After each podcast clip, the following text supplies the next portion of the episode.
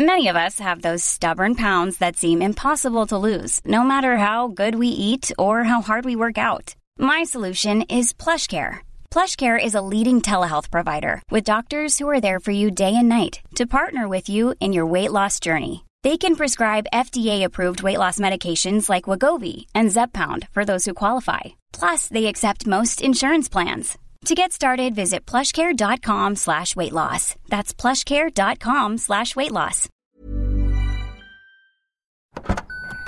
Trying to grab all the groceries in one trip? Oof, not how you would have done that. You know sometimes less is more. Like when you drive less and save with the USAA annual mileage discount. USAA, get a quote today. Dit programma wordt mede mogelijk gemaakt door Toto. Ik kon wel doelpunten maken. En daarvoor werd ik uiteindelijk naar Excelsior gehaald. En, to en toen ben ik enorm aan mezelf gaan werken. Uh, dat had ik ook persoonlijk moeten doen. Maar, uh, maar fysiek is gelukt in ieder geval. fysiek is het gelukt. Beste vertegenwoordigers van de media. Niet schrikken.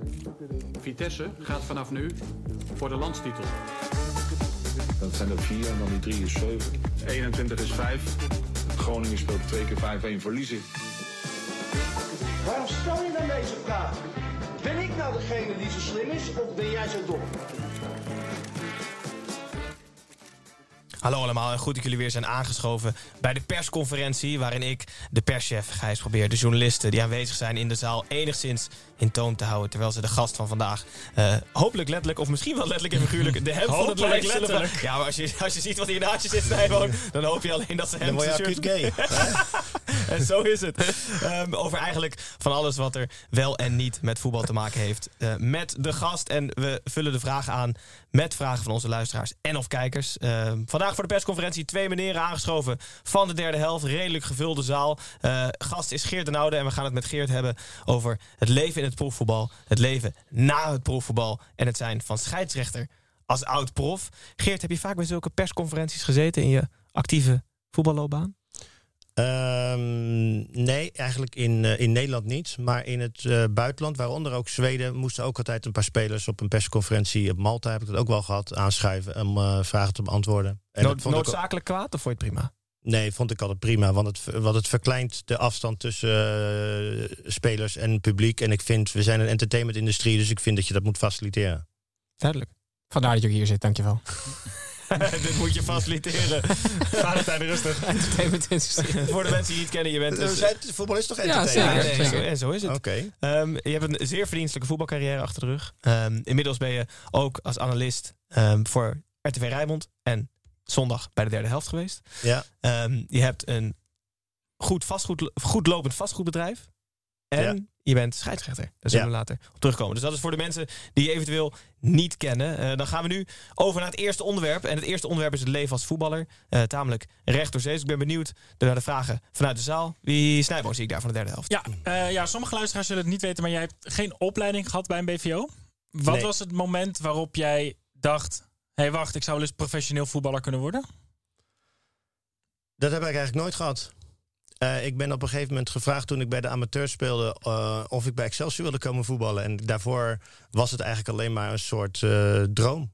Dus denk ik. Op, het, op het moment dat je het werd, was het eerste ja. moment dat je dacht: oh, dit zou eens kunnen lukken. Ja, ja omdat ik, ik had het. Ik denk dat ik, weet je, ik was. toen ik klein was, luisterde ik altijd naar de radio. We hadden thuis geen televisie, dus ik luisterde altijd naar de, de wedstrijden. Dat vond ik altijd machtig. En op een gegeven moment ga je die wedstrijden wel zien. Dan ga je wel eens naar het stadion. Maar ik kwam bij een amateurvereniging terecht in de tweede klasse. En dan ben je niet zo met het betaald voetbal bezig. Dus, dus het was voor mij eigenlijk een, uh, ik, een verrassing. Ik weet nog dat de trainer naar mij toe kwam en uh, de, die stelde me wat vragen. En toen dacht ik, waar, waar, waar, wil je naartoe? En hij was dus al geïnformeerd vanwege die interesse. Mm. En uh, nou ja, zo kwam ik ermee na. En toen dacht ik, oké, okay, dit is mijn kans. Hoe, ja. groot was het, hoe groot was het niveauverschil op je eerste training? Groot, want ik had een technische achterstand, ik had een tactische achterstand. Um, ik uh, waaide bijna, als ik, als ik uit de boom viel, dan ging, kwam ik als een blaadje viel ik naar beneden. dus ik had fysiek ook nog wel wat te winnen. Maar ik kon, ik kon wel doelpunten maken.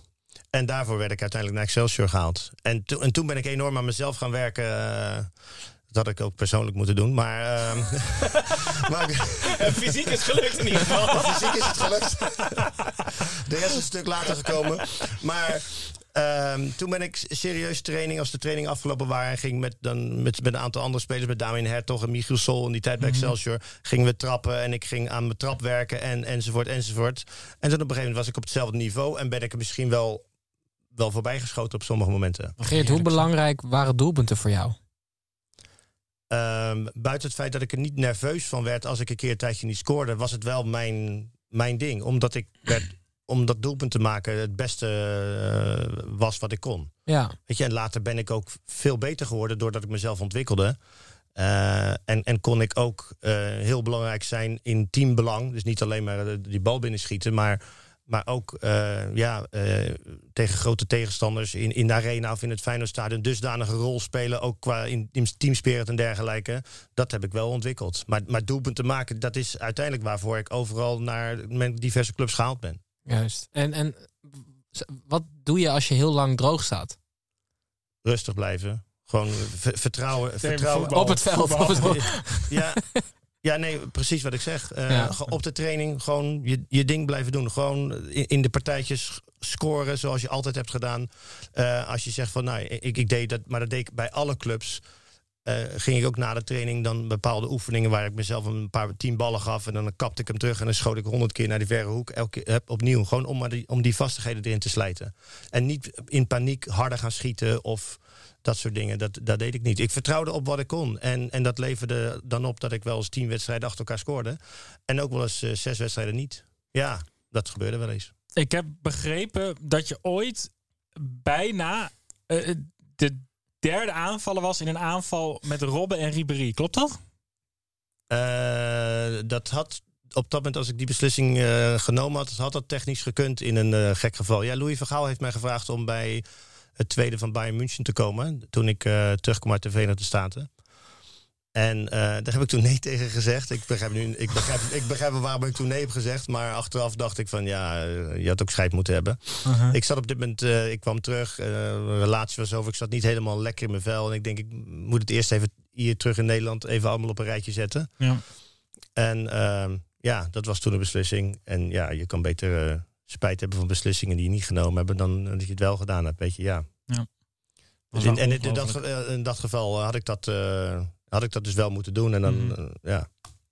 Ja, dan, weet je, dan weet je niet wat er met de rest was gebeurd. Nee, zeker. Maar dat had dus gekund. Ja. Geert, je speelde, jij hebt, ik heb even opgezocht, eh, onderzoek gedaan naar welke verdedigers je hebt, eh, tegen wie je hebt gespeeld. Jan Vertongen, Alex, Kivu, Boularus. Even een, een kleine greep. Wie is nou het lastigst geweest om tegen te spelen? Nou, waar ik, dat weet ik niet, maar waar het meeste van herinner was, was tegen Kivu. Eh, omdat het, ja, hij, hij was, hij was snel en hij was, eh, hij, was, hij was slim in zijn spel. En ik, ja, ik moest echt alles uit de kast halen, buiten het feit dat ik voor een kleine club speelde en hij speelde bij Ajax. Maar ik, ik heb nooit per se echt met, met verdedigers eh, problemen gehad of zo. Of dat ik daar angst voor had of zo. Nee, dat niet. Duidelijk. Sluiten we dit onderwerp af met een vraag van een van onze digitale journalisten, Superhuis75. Eh, die vraagt: Was jouw mooiste doelpunt ooit het stiftje in de kuip? Want dat was de eerste en de laatste keer dat ik eerder weg ben gegaan van de wedstrijd. Ik denk dat hij Feyenoord sport is. Dat denk ik ook. Overigens eh, werd ik die wedstrijd tien minuten voor tijd gewisseld. En kreeg ik een ovatie van het fijne publiek. Dus dat was wel, was wel mooi. Schitterend. Beetje Rot- Ronaldinho en Bernabeu. Als Rotterdammer, ja, eh, zeker. Maar ehm, ik heb... dat, dat herinneren mensen mij niet- meer. Waarom weet ik niet, want het is gewoon uitgezonden op Studio Sport. Maar ik, ik heb een keer eh, in de wedstrijd Utre- Utrecht-RBC... Een, eh, een doelpunt gemaakt vanaf eigen helft dat ik de bal kreeg. En de, op, naar de helft van de tegenstander vervolgens over een schuin meter of dertig... een bal gestift over Wapenaar, over hem heen. Onderkant lat, stuitte er zo in. Die was eigenlijk mooier. Maar dat, ja, dat is niet blijven hangen bij de mensen. Misschien was wel met je Maar ik heb, ik heb hem op beeld. Ja. Ja, die was wel met mijn Stuur maar door, Geert, dan gaan Ja. wij hem promoten voor Ik je. moet hem, ik moet je hem, het zegt, ik heb hem hier in hij ligt, hij zit ergens in, hij staat op een DVD die ergens in, mijn, eh, in de schuur van de opslag ligt. Dus ik heb hem wel, maar ik moet hem echt opzoeken. Gijs, ik wil nog, we zijn nog bij dit onderwerp. Ik toch nog even vragen over die verdedigers. Die verdedigers doen toch altijd de gekste dingen om spits uit een wedstrijd te halen? Eh, ja, maar daar was ik best wel immuun voor. Je, ik, ik heb vaak tegen Joris Matthijs gespeeld en die, die zei Ja, de meest achterlijke dingen over je zus of over je moeder, weet ik wel. eh, en da- en da- da- daar, dacht, daar lachte ik hem eigenlijk alleen maar uit. Eh, Het zijn altijd die types die te eng zijn, hè? Ja. Ja, maar dat, ik, het is wel een stukje onzekerheid, denk ik. En ik heb bijvoorbeeld, wat ik vaak gast, ik, weet je, ik ben een, ik denk dat ik een, een persoon ben wat vrij toegankelijk is. En ik heb ook veel met jongens waarmee we ook tegenspeelden, hadden we stapmaatjes eigenlijk met elkaar. We met Patrick Pothuizen bijvoorbeeld en met jongens van Den Haag in die tijd. Dus wij hadden het ook vaak, als ik tegen Pothuizen speelde, dan hadden we het ook vaak over de stapavond die we een paar weken geleden hadden gehad. Of de eerstvolgende komende stapavond die ging komen. En ondertussen waren we gewoon aan het voetballen. Wat goed zeg. Dus, dus Heerlijk. Ja, daar genoot ik veel meer van natuurlijk. Ja.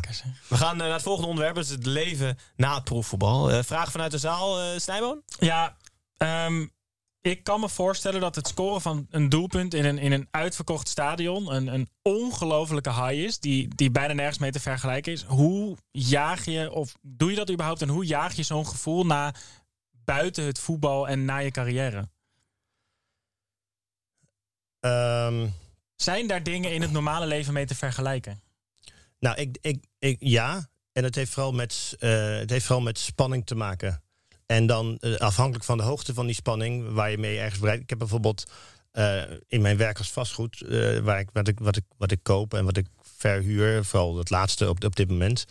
Ja, daar heb ik wel eens deals gedaan over het kopen van een, een blok woning of zo. Dan, dan praat je over miljoenen. Ja, en als je dan iets in je hoofd hebt en dat, ja, dan moet je gaan onderhandelen. En uiteindelijk kom je eruit. En op het moment dat je dan erover uit bent en je loopt daar de deur uit. Ja, dat, is, dat, Juichen. dat geeft wel zo'n adrenaline kick. Ja. Weet je wel. Omdat je het niet over, over een pak melk hebt wat je koopt. Ja. Maar over. Het is ook iets waar je. Het is vastgoed waar je in zat. Eh, eh, je bent daar helemaal verantwoordelijk voor. Dus ook, ook privé.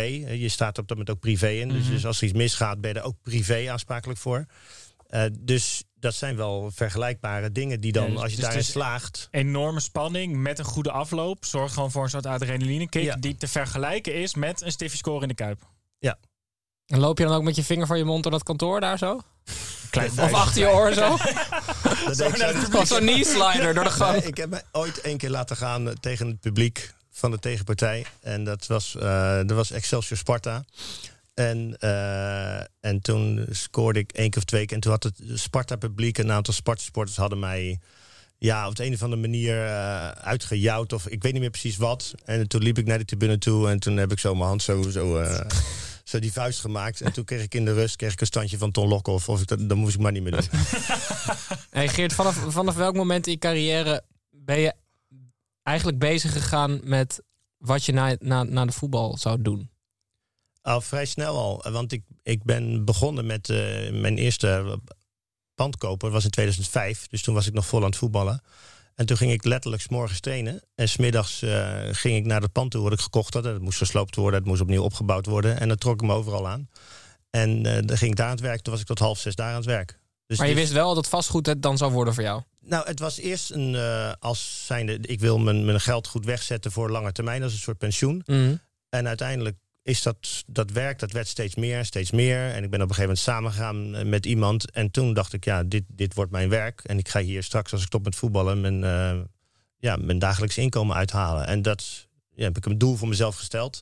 En dat is gelukt. En zodoende werk ik eigenlijk daarmee tot op de dag van vandaag. Was je een vreemde eend in de kleedkamer wat dat betreft? Um, ik was wel een, een, vreemde eend, maar niet per se op dat. Uh, oh, je bent gewoon een vreemde eend. Ja, maar ik denk dat er heel veel. Hier zitten misschien ook wel vier vreemde eenden. Weet je? Dat, dat weet ik wel zeker. Waar dan? maar ik vind het al zelf heel normaal dat dat er z'n drie zijn. wat is het eerste wat je na je carrière hebt gedaan, wat je tijdens je voetbalcarrière niet kon doen? Een joint roken. ja? Ja, om, wij werden, wij werden ja. uh, niet dat ik niet dat ik nou per se uh, wachtte om drugs te gebruiken. Ik, ik ging wel eens naar feestjes toe en mm. er werd drugs gebruikt. En daar was ik vanuit huis uit sowieso niet mee opgevoed. Dus ik had daar sowieso niks mee. Maar ik wilde sommige dingen wel eens testen. En een joint roken leek mij niet heel schuldig. Mhm. Alleen uh, op het moment dat wij gecontroleerd werden op doping... en uh, er zou uh, dat in mijn bloed worden aangetroffen... dan, dan word je geschorst. Dus ik kon dat gewoon niet doen in die tijd. Dus... Dus tot op de dag van vandaag rook ik steeds nog wel eens een, een joint. Eh, misschien een vier in het jaar. Dus in Amsterdam zou je zeggen, wie ben je dan? je bedoelt per dag, zeg je in Amsterdam. maar hoe was, de, hoe was de eerste joint, Geert? Ben je wel even benieuwd? Eh, die, die was wel heel rustig en ik heb me heel voorzichtig gerookt, ja. ja ik Ben je merkte- eentje ik- of met iemand? Nee, ik was met iemand samen, ja. Ik ik was met mijn vriendin. Ja, maar ehm, ja, dat, dat was wel een, een prima gevoel. En ik, ben- ik ben nooit zo dat ik helemaal stoned ben. Eh, zo, erg word, zo erg word ik er niet van. Ik weet niet of jullie verstand hebben van joints. Jij? eh, De wou zich afzijden in dit gesprek. Is nog een vraag vanuit de zaal? Of Ja, even kort. Ben, je nu blijer al- eh, dan toen je profvoetballer was? Ehm, ja, ik denk het wel. Omdat, ehm, omdat het, de, het heeft me een ervaring gegeven die ik toen de tijd niet had. En waar ik, waar ik nu op terugkijk. Weet je, ik heb heel veel uit mijn Ja, te ik heb heel veel te danken aan mijn voetbalcarrière. En ik denk dat heel veel eh, eh, jongens ook misschien op het moment dat ze daar middenin zitten, niet altijd beseffen eh, waar je in zit. Weet je, en, en, en dat zie ik nu wel. En, en daarom probeer ik ook als scheidsrechter, en dat, dat gaat in, in detail, maar ook aan die jongens aan te geven van, eh, of als bijvoorbeeld een spits een kans mist, dan zou ik gewoon tegen hem kunnen zeggen, als hij helemaal in de zak en as gaat zitten, weet je, dan zeg ik, kom op vriend, eh, je krijgt straks weer een, eh, een actie, vergeet het nou lekker. Weet je, dus geniet wat meer van het moment en maak je niet te druk als even iets niet lukt. Z- Zou je trainer willen worden? Spitsentrainer? Nee. Nee? Nee, ik heb wel mijn UEVB. Maar ehm, uiteindelijk merk ik dat ik geen ambitie heb om eh, trainer te zijn. Ik vind het wel eens leuk om training te geven. En ik geef nog steeds wel eens gasttrainingen. Mhm. Ehm, en dat kan ik ook wel, denk ik. Ja. Al- alleen, Niet op die basis. nee, eh, nee. Duidelijk. Wel een mooi bruggetje naar het volgende onderwerp. En het laatste onderwerp. Is namelijk een ex-profvoetballer als scheidsrechter. Eh, vragen vanuit de zaal mee te beginnen. Ja, ik vind het heel interessant dat je met het imago wat scheidsrechters hebben in Nederland eh, en jouw hele lange carrière in het profvoetbal, dat je hebt besloten om te gaan fluiten. Hoe is dat zo gekomen? Nou, ik heb eh, toen ik aan het voetballen was, floot ik al af en toe wedstrijden. En dat, dat is, ik ga er niet over uitweiden hoe die ontstaan is, want dat is, zonde van de tijd. Dat is een andere keer. Maar eh, ik had daar aanleg voor en de KVB vond dat ik daar aanleg voor had. En die zeiden, oké, we willen je graag eh, in het talententraject halen om te kijken of je de Eredivisie kan halen. Alleen dan moet je dat nu doen. Toen was ik 30. En toen zei ik, ja, maar ik ben nog aan het voetballen. Mhm. Dus geef me nou vier jaar of zo. Nou, dat wilden ze niet. Toen zeg ik, oké, dan stop ik ermee. Mhm. Toen ben ik ook gelijk gestopt. Alleen nu, nu ik al lang weer gestopt ben en eh, ja, nog steeds vind ik ook de combinatie dat ik als ik, ik voel mezelf ook nog wel een soort opleider. Dus toen dacht ik, nou, fluiten vind ik leuk. Kan ik, ben ik helemaal op mezelf aangewezen op zaterdag. Ben ik niet afhankelijk van spelers die, eh, die de was moeten doen zaterdagmorgen en dan afbellen. Eh, weet je, Dat is een sneer.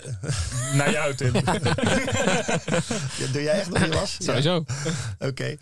Eh, ja, ik ook hoor. Heel goed. Heel goed. Maar uiteindelijk eh, eh, heb ik gezegd: oké, dan wil ik wel de landelijke jeugdfluit. Ik wil jeugdfluiten. En, en daar heb ik gewoon echt heel veel plezier in. Dit, je straalt het ook echt uit. Vind ik echt leuk als je het eraf hebt. Ja, en ik merk ook, eh, ik, ik merk ook dat mensen het leuk vinden als ik, eh, als ik er ben. En ik, en ik probeer echt alles te geven op, op zaterdag. Ik kom niet aan daarvan, oh, ik ben Geert en ik heb gevoetbald en ik ga jullie even laten zien. Nee, ik moet soms echt, dat zeg ik ook zo tegen als ik assistenten van de bond heb. Jongens, kom op, de tweede helft als wat gebeurt. We moeten echt scherp blijven, want ik wil gewoon een goede prestatie afleveren. Daar, dat mogen de jongens ook verwachten. Ehm, ja, en ik ben, eh, ik ben soms misschien wel eens een ander soort scheidsrechter. Ik merk dat de jongens ook wel eens aan mij moeten wennen. Maar eh, uiteindelijk krijg ik wel eh, leuke reacties terug. Wat Dus, voor type eh, ben je dan? ik ben een scheidsrechter die eigenlijk de hele wedstrijd praat. En, en dat heb ik zelf nooit zo meegemaakt als scheidsrechter. En waarom doe ik dat? Omdat ik. het effect daarvan is dat ik heel veel. Ik ben, een, ik ben een manager. Ik moet zorgen dat spelers waarvan ik denk, daar kan ik problemen mee krijgen. Of daar, daar ben ik aan het managen. Dus ik ben aan het voorsorteren op situaties die misschien kunnen komen. En, da en daar eh, pak ik veel winst mee. Zo ervaar ik dat zelf, eh, althans. Maar als, als de rechtsback een tikkende tijdbom is, wat, wat, hoe manage je dat dan? dan loop ik vaak bij hem langs. En dan, eh, dan laat ik hem blijken dat, dat, ik, dat, dat ik zie wat er gebeurt. En dat ik zijn emotie begrijp. Maar wel hem aangeef van, joh, dit is de grens. Weet je? Dus pas op. Weet je? En ik, ik had gisteren een jongen die, van Ajax, die, kreeg, eh, die moest ik in de in vierde minuut een gele kaart geven. Omdat hij een, een jongen aan zijn shirt trok die echt zo richting het doel eigenlijk kon lopen aan de linkerkant. En vervolgens pakte hij in de, op het middenveld in de twintigste minuut nog een keer iemand om zijn middel had ik heel makkelijk zijn tweede gele kaart kunnen geven. Maar eh, ja, dan roep ik hem bij me en dan zeg ik, vriend, eh, weet je wat voor risico je nou neemt? Ja. Dus dan leg ik het hem uit. En eh, dat begreep hij. Ik zeg, ik wil je de hele wedstrijd niet meer zien. Ik zeg, want dan ben je... Hij is. Dan, ben je beurt. Dus vervolgens eh Juri Rozen, die eh, tien minuten later hield, haalde die hem eraf. Want die had ook wel in de gaten van, ja, hij, hij kan niks meer hebben. Weet je, dus... En, en zo probeer ik, en aan beide kanten probeer ik dat te doen. Hè. Eh, als ik niet anders kan, dan geef ik die gele kaart. Tuurlijk, dat moet ik ook doen. Ik had Ja. ook opstootje gisteren. Ja, dan eh, ja. Zaterdag. Ik vind, Of, eh, ja. ik vind laat, laten we dan ook scheidsrechter nu omdopen tot matchmanager. Dat is ook wel cool. Dat klinkt ook heel vet, vind ik. Ja. Vind je niet? Ehm, jij hebt een zoon. Ja. Eh, jij mag voor hem kiezen. Hij mag professioneel scheidsrechter worden of professioneel voetballer. voetballer. Ja? Ja, en dan kan hij misschien daarna nog scheidsrechter worden. ja, om, omdat, antwoord. ja om, omdat ik denk dat hij uit het, uit het voetbal nog veel meer kan halen. Weet je? En eh, het is totaal niet denigerend bedoeld, want ik ben zelf ook scheidsrechter. Daar kan je ook heel veel uithalen. Maar ik, ik denk dat je als, ehm, als scheidsrechter nog beter kunt zijn als je zelf gevoetbald hebt. Ehm, daarmee, ja, er zijn ook goede scheidsrechters. Danny Makkely heeft niet gevoetbald. Vind ik een fantastische scheidsrechter. Dus- ze kunnen tegen jou niet roepen. Jij hebt zeker zelf niet gespeeld. Eh, dat, dat roepen ze wel eens. En dan worden ze soms wel eens door iemand anders gecorrigeerd. en soms zeg ik gewoon niks. Weet je, en dan, eh, dan komen ze na de wedstrijd naar me toe en zeggen ze sorry. Of, eh, Laat je even dat doelpunt van Utrecht zien op die videoband van je. Ja, die DVD uit de zak en dan even een scherpje. Ja, precies. Ja, nee, dat, in plaats van de gele kaart doe ik dan die DVD eruit halen. Heel goed. Ja. We sluiten het onderwerp af met eh, eigenlijk een statement van een van onze volgers. Dat is namelijk een statement van Jeroen Manschot. Die zegt, A, topscheids, doe hem de groeten. Dus ik krijg bij deze de groeten van Jeroen Manschot. Ja, Ehm, dankjewel. En dan als allerlaatste terug, vraag. Groeten terug, ik zal het zo verder aan doorgeven. Eh, als allerlaatste vraag doen- stellen wij altijd de- dezelfde vraag aan iedereen die het gast is. Hoe zag of ziet jouw ideale derde helft eruit? Dus jij hebt de perfecte in dit geval wedstrijd gefloten. Nee, nee, ik wil hem weten. Ik wil hem weten als voetballer. Wil Oké. ik hem weten. Als voetballer. Ja. Eh, vooral eh focus op iets anders. En hetgeen waar ik net mee bezig ben geweest, gewoon acht je later. Dat is de perfecte derde helft. Ja? Ja, Na een wedstrijd, laten we zeggen, na de stift tegen Utrecht. ja gewoon eh, het moment daar laten en iets gaan doen met je vrienden. Gewoon het even voetbal even vergeten en lekker wat anders gaan doen. Ja, dat was Maar mijn... wat voor dingen doe je dan?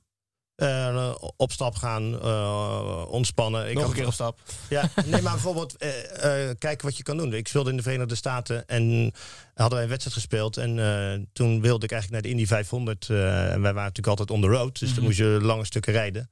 En dus ik had aan eh, Sonny Selor, die was trainer, gevraagd... Joh, trainer, mag ik eh, na de wedstrijd eh, gelijk door naar eh, Indianapolis rijden... om daar de Indy 500 te gaan kijken. Gewoon voetbal even achter je laten en leuke dingen doen. Dus in die 500, is dat, dat is alleen maar dat ovaaltje afhalen Ja. of niet? Ja, dat is alleen Ja. maar dat ovaaltje. Ja. Ja. Ja, het is niet een ovaaltje. Dat, eh, het is... eh, Ik heb weinig is- met autosport, dat merk je misschien al. Ja, ja, ja. Ja, het is, IndyCars. Het is eh, in- het laatste weekend van mei altijd, volgens mij. Ga maar een keer kijken.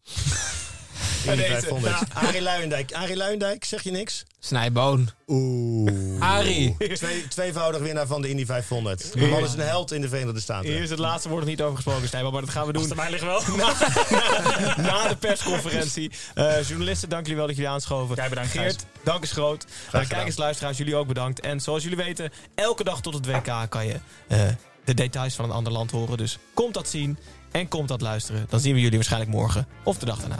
Dankjewel.